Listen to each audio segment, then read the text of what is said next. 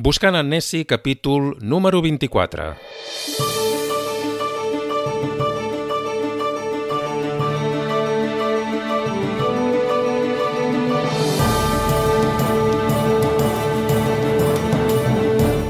Això és Buscant en Nessi, el podcast on parlem d'Escòcia, dels seus paisatges, els seus costums i tradicions i de la seva gent. És un podcast que fem a distància, a Inverness, a les Highlands escoceses i en Santi Geriot i a Barcelona, qui et parla, Per Andreu Geriot. Santi, bon dia i bona hora. Hola, bon dia. Abans que res, ens agradaria fer un agraïment a tota la gent que ens va seguint fidelment cada setmana, que espera amb il·lusió eh, els nous capítols del podcast. És el cas de la Carme, la Montse, el Jaume, el David, l'Àlex, l'Anna... Tota aquesta gent ens segueix. És gent que tenim a prop, gent més o menys propera, i la veritat és que ens fa molta il·lusió que ens diguin que esperen amb ganes el podcast i que els hi agrada, sobretot, no, Santi? Sí, home, i tant, tant que fa il·lusió. A més, volíem agrair a la Patricia Cuní, que és una periodista que viu a Edimburg, que ens inclogués en un article que ha publicat no fa gaire en el seu blog, un blog de viatges que es diu Mat About Travel. Que vol dir bojos per viatjar. Ah, doncs, doncs això, Bojos per viatjar és un blog de viatges sobre Escòcia i ens va incloure en un article molt interessant. Si us agrada el tema dels podcasts, doncs no us podeu perdre aquest article que es titula Los 18 mejores podcasts sobre Escòcia, perfectos para viajar desde casa. La majoria d'aquests podcasts són en anglès, n'hi ha dos que són en castellà, Escòcia sin límites i Escòcia màgica, i el nostre, que és en, en català. En tot cas, moltes gràcies a la Patrícia, que ens deia que és fan del nostre podcast, i vaja, ens fa molt contents que, bé, que mica en mica eh, es vagi coneixent doncs, això, que tenim un podcast que parlem sobre Escòcia i vaja, que no només ens escolten des de Catalunya, Santi, a Escòcia també tenim oients. Sí, sí, mica en mica s'omple la pica. molt bé, molt bé. Us deixarem l'enllaç a les notes del nostre programa per si voleu fer-hi un cop d'ull a aquest article i descobrir altres podcasts sobre Escòcia com el, com el nostre. Bé, anem al tema. Avui és el dia, Santi, ja fa temps que diem que hem de parlar de les gaites. Ja en l'últim capítol de Buscant en Nessi vas fer referència a aquell gran festival de, de gaites. També com t'agrada aquest instrument i, i bé, avui, avui és el dia. Què, en parlem o no? Sí, tant, som-hi. Parlem avui del, del bagpipe, que és la gaita escocesa, que com el seu nom indica, bag vol dir bossa i pipe vol dir pipa. O sigui, bossa i pipa, la gaita. Que això és molt comú al, al, al, a l'anglès. A l'anglès és molt simple amb aquests eh, temes. A vegades, eh, en comptes de rebuscar noms, ho fan molt simple. Per exemple, a les estovalles es diu eh, la roba de la taula. Eh, saps? Tablecloth. Llavors, això són les estovalles. Llavors, és, és, és, és curiós que a vegades els noms eh, en anglès eh, són més fàcils, saps? L'astri, per exemple, que és el cendrer, vol dir aix, cendra i trei eh, safata, o sigui, la safata de la cendra. Llavors el bagpipe és això, és la, la bossa pipa. O sigui que en aquest sentit són pràctics, si més no, pel que fa a l'idioma. Molt, molt pràctics. Amb l'idioma, amb bastantes coses. Has dit que en anglès es diu bagpipe, nosaltres genèricament en diem gaita, la gaita escocesa, però sí. aquest instrument té molts noms. De fet, en català per anar bé, haurien de dir cornamusa. És un altre nom que es fa servir per denominar aquest instrument que no només és escocès, o sigui, hi ha molts sacs de gemecs, no? que també és una altra manera de dir-ho, sí. repartits per tota Europa. Aviam, és veritat que són tots cornamusa, tant en català com en castellà, el que passa que es diferència, per exemple, el sac de gemecs és, és diferent a la gaita escocesa o a la gaita gallega, per això cadascú té el seu nom. Però bueno, ja, ja, ja anirem parlant d'aquest tema. Però en tot cas formarien part de la mateixa família, això sí, eh? Ah, efectivament, sí. Sí, sí, tenen el mateix esquema, tots els instruments tenen la mateixa base. En el cas d'Escòcia seria una mica l'instrument nacional, no? És a dir, és, és a, a aquell instrument, fins i tot aquell so, si volem posar una banda sonora a Escòcia, aquest instrument hi ha de sortir. També podria sortir un violí, no?, segurament. No, sense cap mena de dubte, la gaita escocesa és eh, l'instrument nacional d'Escòcia. De fet, la gaita escocesa, hi ha bastants tipus de gaites escoceses, però la més coneguda eh, es coneix com a la Great Bagpipe, que és com si digués la gran pipa, saps? I aquesta és la, la Highland eh, Great Bagpipe, és la que relaciones més quan veus un escocès tocant la gaita, és aquesta gaita. I ha sortit la paraula Highland. Sí, és el nom de la gaita. The Highland Great Bagpipe. Per tant, Highland com a sinònim del nord d'Escòcia, també, no? Sí. És com si diguessin la gran pipa de les Terres Altes. Clar, ho relaciones, veus la gaita i ho relaciones ja sigui amb les marxes militars, amb la policia, per exemple, la policia de Nova York, saps? Quan fan aquelles, aquelles desfilades i, i surten les gaites, que dius, què pinten les gaites aquí a Amèrica, saps? I, de fet, és tradició, perquè, clar, els escocesos, quan van anar cap a, cap a Amèrica i quan es morien, doncs, amb una mena de reconeixement al seu llegat, doncs tocaven el seu instrument de casa i així doncs els seus familiars es reconfortaven i, i va quedar com a tradició. De fet, l'estampa típica d'un escocès seria el kilt, no? la, la faldilla típica, que ja n'hem parlat en un dels primers capítols de Buscant en Nessie, i eh, fent sonar una, una gaita escocesa. Sí, l'uniforme amb el kilt, amb aquell barret tan, tan llarg, saps, i negre, la part de dalt d'un smoking, una espècie així, i la gaita. A sobre d'un penya-segat. I ja el tens, l'estampa. Sí, sí, sí. Ostres, és molt de postal, no? Sí. És molt, molt típic, no? Molt, molt, com diuen aquí, stereotype, no? Un estereotip típic eh, escocès. Exacte. Has parlat que la gaita va arribar als Estats Units perquè els emigrants escocesos eh, la van portar amb, amb ells, però l'origen de l'instrument deu ser molt més antic, no? Sí. Aviam, hi ha diverses teories. Eh, alguns historiadors creuen que les gaites s'originen a l'antic Egipte i són portades a Escòcia per la invasió de les legions eh, romanes. Altres diuen que van arribar per mar a través dels clans escocesos quan colonitzaven a Irlanda. De totes maneres, no es té referència a Escòcia de la gaita fins eh, ben bé l'any 1400, malgrat ja havia aparegut a diferents obres d'art espanyoles cap al segle XIII. Per tant, és aquesta última etapa de l'edat mitjana quan comencen a haver-hi referències de l'existència d'aquest instrument. Ha tornat a sortir la paraula clan, Santi. Això va sonant, va sortint al podcast i algun dia n'hem de parlar, sí, no? Sí, és que és, és part molt important de la, de la història d'Escòcia. De fet, s'utilitzava la gaita eh, sobretot pels clans fins al 1745. Després de la revolta jacobita, i de la gran batalla aquella de, del Culloden, on van caure derrotats, el govern lleialista, que són els que van derrotar tots els clans jacobites, van prohibir les gaites per considerar-les com, com un instrument de guerra. Per tant, és un instrument que va estar prohibit durant uns quants anys o segles? Va estar prohibit. El que passa és que es va mantenir viu en secret. O sigui, es va seguir amb la tradició però d'amagat.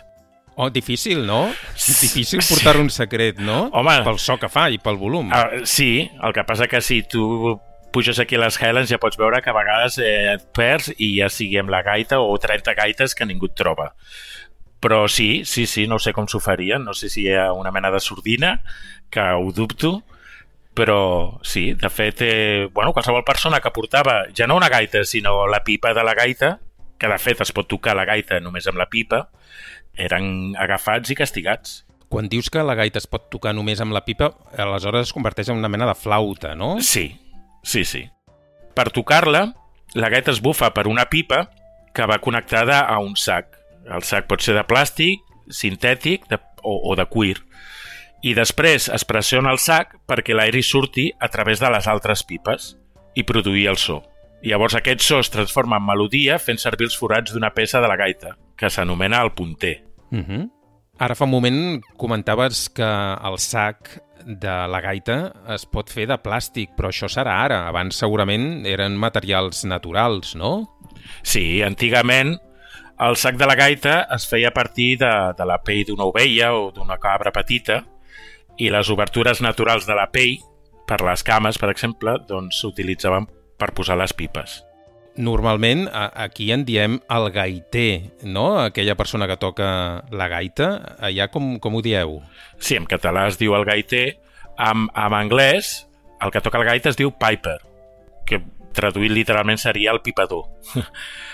I llavors, eh, home, podria dir la cançó més coneguda, tocada en gaita, es diu eh, Scotland the Brave, que és una cançó patriòtica escocesa, que malgrat no sigui l'himne nacional és considerat com himne escocès no oficial. Et sembla que l'escoltem? Sí, tant.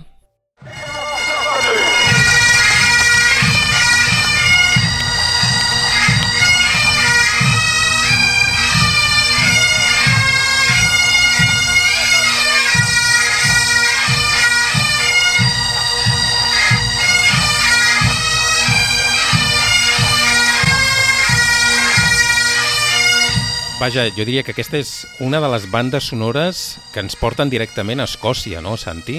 Sí, aquesta és una, i després hi ha unes altres, com la Flower of Scotland i la eh, Scots Wahe, que segur que si les escoltes també et sonarien. En tot cas, és música que té un punt de, de nostàlgia, no? És a dir, és, és música més aviat trista.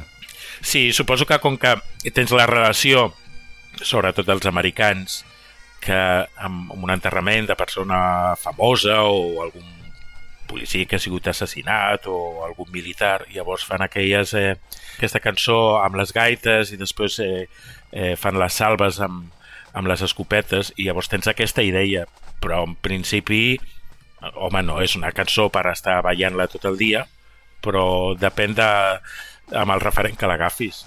És un instrument popular o només, eh, diguem que és present en el dia a dia o només surt el, els dies de festa, per entendre'ns?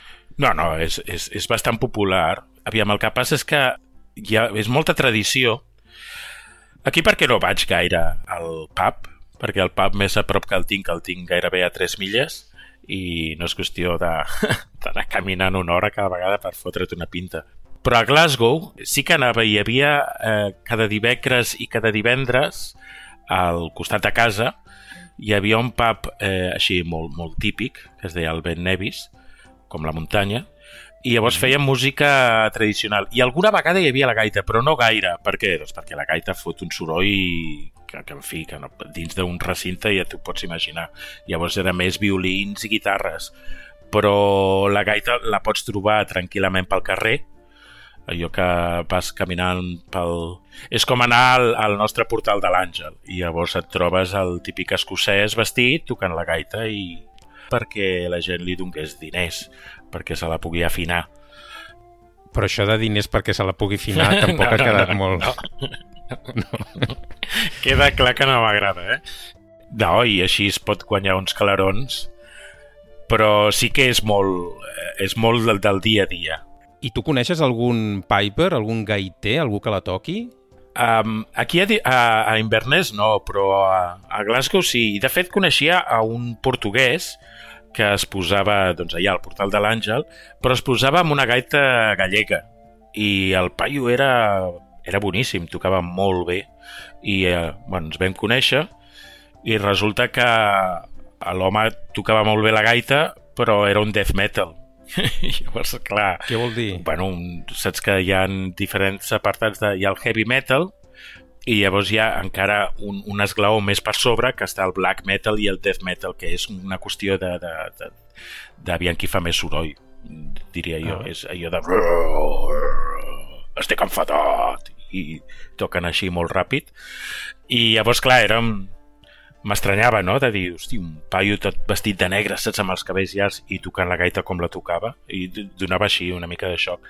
Però llavors ell sí que em va donar moltes referències de, de, de la diferència entre la gaita gallega i la gaita escocesa i em deia lo difícil que era per ell i per qualsevol persona tocar la gaita escocesa comparat amb, la, amb el sac de gemecs o la gaita gallega. Perquè, per exemple, la tablatura o la partitura és una mena en, entremig, entre tablatura i partitures. Està afinada totalment diferent a, la, a, la, a les altres. Les gaites normalment estan afinades amb do, aquesta està afinada amb la però clar, hi han dos sostinguts, que, però no les anoten a la partitura. És com l'anglès parlat, que no, no tenen normes escrites. Vull dir, es diu així i punt. M'entens? Llavors, amb, amb, amb tocar la gaita és exactament el mateix. Es toca així i punt. I no té cap solta ni volta a vegades. Deixa'm dir que quan parlaves de tabulatura o partitura, tabulatura és aquella partitura que hi ha números en comptes de notes, és això, no? Sí, sí. I llavors ells el que fan és una barreja d'entre les dues, entre notes i números, i lletres. I els números aquests són de col·locació dels dits, no? És allò típic que tenen... En... La gent que vol aprendre a tocar la guitarra, per exemple, tenen tabulatura, oi? Sí, sí, sí. Seria l'equivalent, no? Sí. Per això tu millor que ets el músic, ets el músic de la família. No, no, però està bé, està bé dir-ho, no? I tant, i tant. No, no, ben fet. Llavors, eh, això que et anava a dir, que es van fent les normes de la seva manera i llavors tu vas descobrint sobre la marxa. Una altra cosa que també em va dir ell, que és que costa molt bufar-la comparat amb les altres gaites. I de fet veus, quan veus un gaiter bufant, se li infla el coll com si fos una granota. Ostres. Sí, sí, a més, eh, clar, és que és, és, és la mentalitat escocesa, saps? Com les Highland Games. Hosti, s'ha de ser fort i hem de bufar perquè s'ha de fer so. I, I els hi agrada que, que la gaita soni fort, ja t'ho dic jo. I sona, i sona, però molt. Ja, ja m'ho imagino. Escolta'm, hi han gaiters i gaiteres? És a dir, hi ha, hi ha dones que toquin la gaita escocesa? Sí, hi ha, hi ha, hi ha dones, però tradicionalment, clar, amb el tema de l'exèrcit, per exemple, les bandes, la majoria són homes. Llavors, clar, tu tens el, el, la imatge de l'home tocant, però la dona també pot tocar la gaita. Però entrem una altra vegada al mateix, clar, tens que tindre una bona bufera. Has dit que és, mm, costa més de, de bufar una gaita escocesa que una gaita gallega, per entendre'ns. La forma, diguem, seria semblant mm, si veiem un instrument escocès i un instrument gallec? S'assemblen molt o hi han diferències? Un tret molt diferencial que es veu a simple vista és que les pipes de la gaita escocesa sempre estan mirant cap amunt. En canvi, la gaita gallega o el sac de gemecs estan com reposades, estan mirant cap a baix. Aquest és un tret diferencial. Un altre tret també és que, per exemple, tu saps que a, la, a les mans tenim el dit petit que és una mica més curt que la resta dels dits. Sí, normalment és així, no? Normalment és així. I clar, veus en qualsevol tipus de flauta que fan el foradet una mica més cap a un cantonet perquè puguis fer servir el dit sense cap mena d'estrès. De, de Però els escocesos no. Els escocesos, el forat al vell mig. Llavors, clar, els veus tots garrativats, que és que és la manera de posar el, els dits no és natural. I aquest és un altre tret diferencial de la, de la gaita escocesa envers a la resta de gaites. Per tant, vols dir que és menys ergonòmic a l'hora de tocar que, que les altres gaites? Sí, és menys ergonòmic i, eh, clar, a l'estar tan tensionat, jo crec que costa més també de tocar. Quan toques un instrument tensionat, no estàs gaudint com si estiguessis més relaxat, m'entens? Clar. Però això és una opinió meva, jo com que no la toco, la gaita. No? Pensava que jo en moments d'intimitat no, toco la gaita però, però amb, amb un altre sentit. Ja, bé, bé, bé. Hi ha algun intèrpret o algun músic que, que destaqui realment, que sigui reconegut fins i tot més enllà d'Escòcia, tocant l'instrument, Santi? Bé, tenim el, el Bruce Gandhi, que és considerat el, el millor gaiter de la gaita escocesa, que ve a ser el Carlos Núñez d'aquí, d'aquí dalt. Estem parlant de la gaita escocesa, però tot això ve del comentari que vas fer en l'últim capítol de Buscant en Nessie, on esmentaves que una de les activitats dels Jocs de les Highlands, dels Highland Games, era el festival de gaites. Això es fa coincidint amb aquesta celebració, no? amb, aquesta, amb aquests jocs de les Highlands. Parlem una mica d'aquest festival, com és i quanta gent hi participa? Sí, la competició en si es diu eh, World Bagpipe Band Championship, que, bueno, ja t'ho puc dir jo, que és una competició creada pel dimoni. Sí, home, va.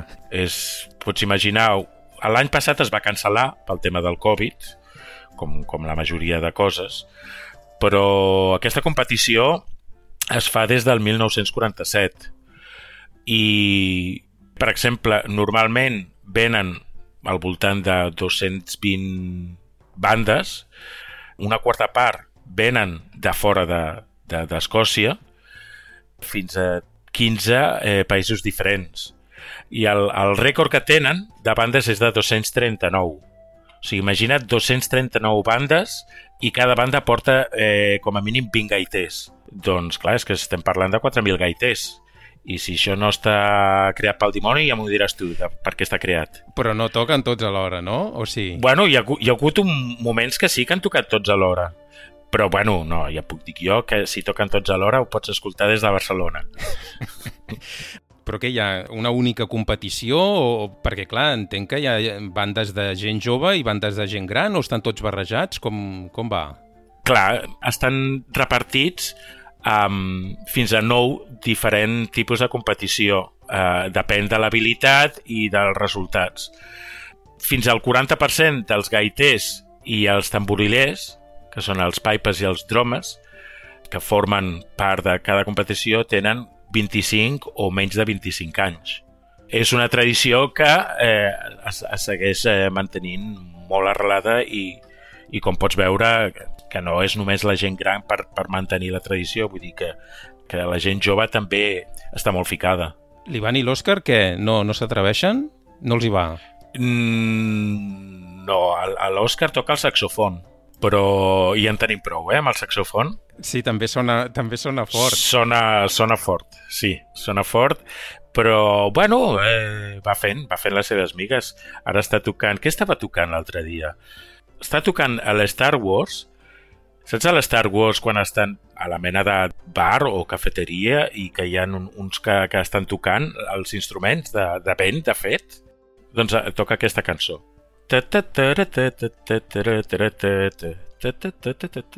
Té ritme, no? Vull dir que no... no... Vull dir, hi ha notes, hi ha notes, eh? No, i tant, i tant. El que passa és que el tinc que arrossegar moltes vegades perquè, clar, ara fan les classes online i tinc que córrer a vegades, escolta, que, que és l'hora. I llavors va corrent a agafar el saxo i a tocar. Li agrada per això, no? Sí, tant, sí, sí. A mi em va estranyar perquè, clar, tenint el piano digital i el sintetitzador doncs, eh, va agafar més per tocar el saxofon. I l'Ivan què? No, l'Ivan és més eh, tecnològic. De fet, tocava el teclat, però aquest any, allò que vas deixant assignatures a, a mida que vas eh, progressant al batxillerat i ha deixat la música. Oh. Es, eh, bueno, però en canvi el, es, es dedica més a la tecnologia i a la física que és el que li agrada amb ell. Molt bé.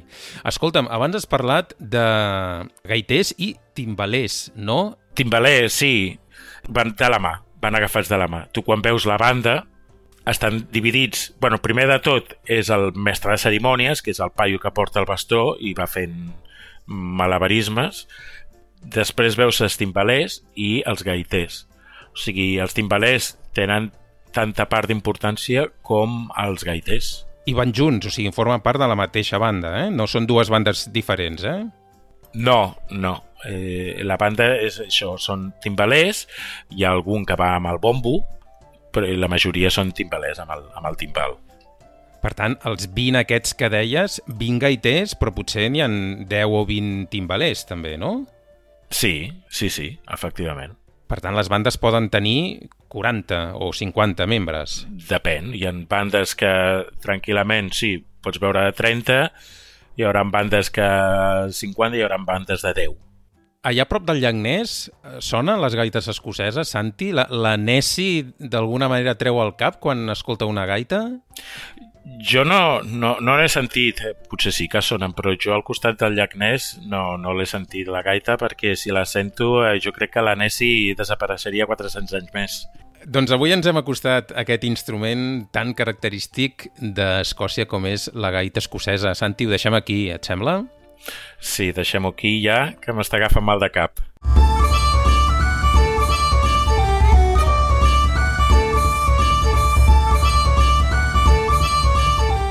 Fins aquí el capítol número 24 de Buscant en Nessie, el podcast sobre Escòcia, els seus paisatges, la seva cultura i la seva gent.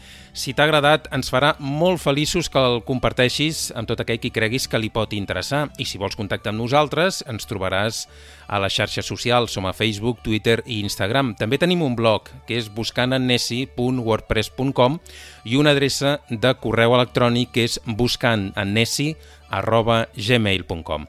Santi, una abraçada i fins aquí 15 dies. See you soon!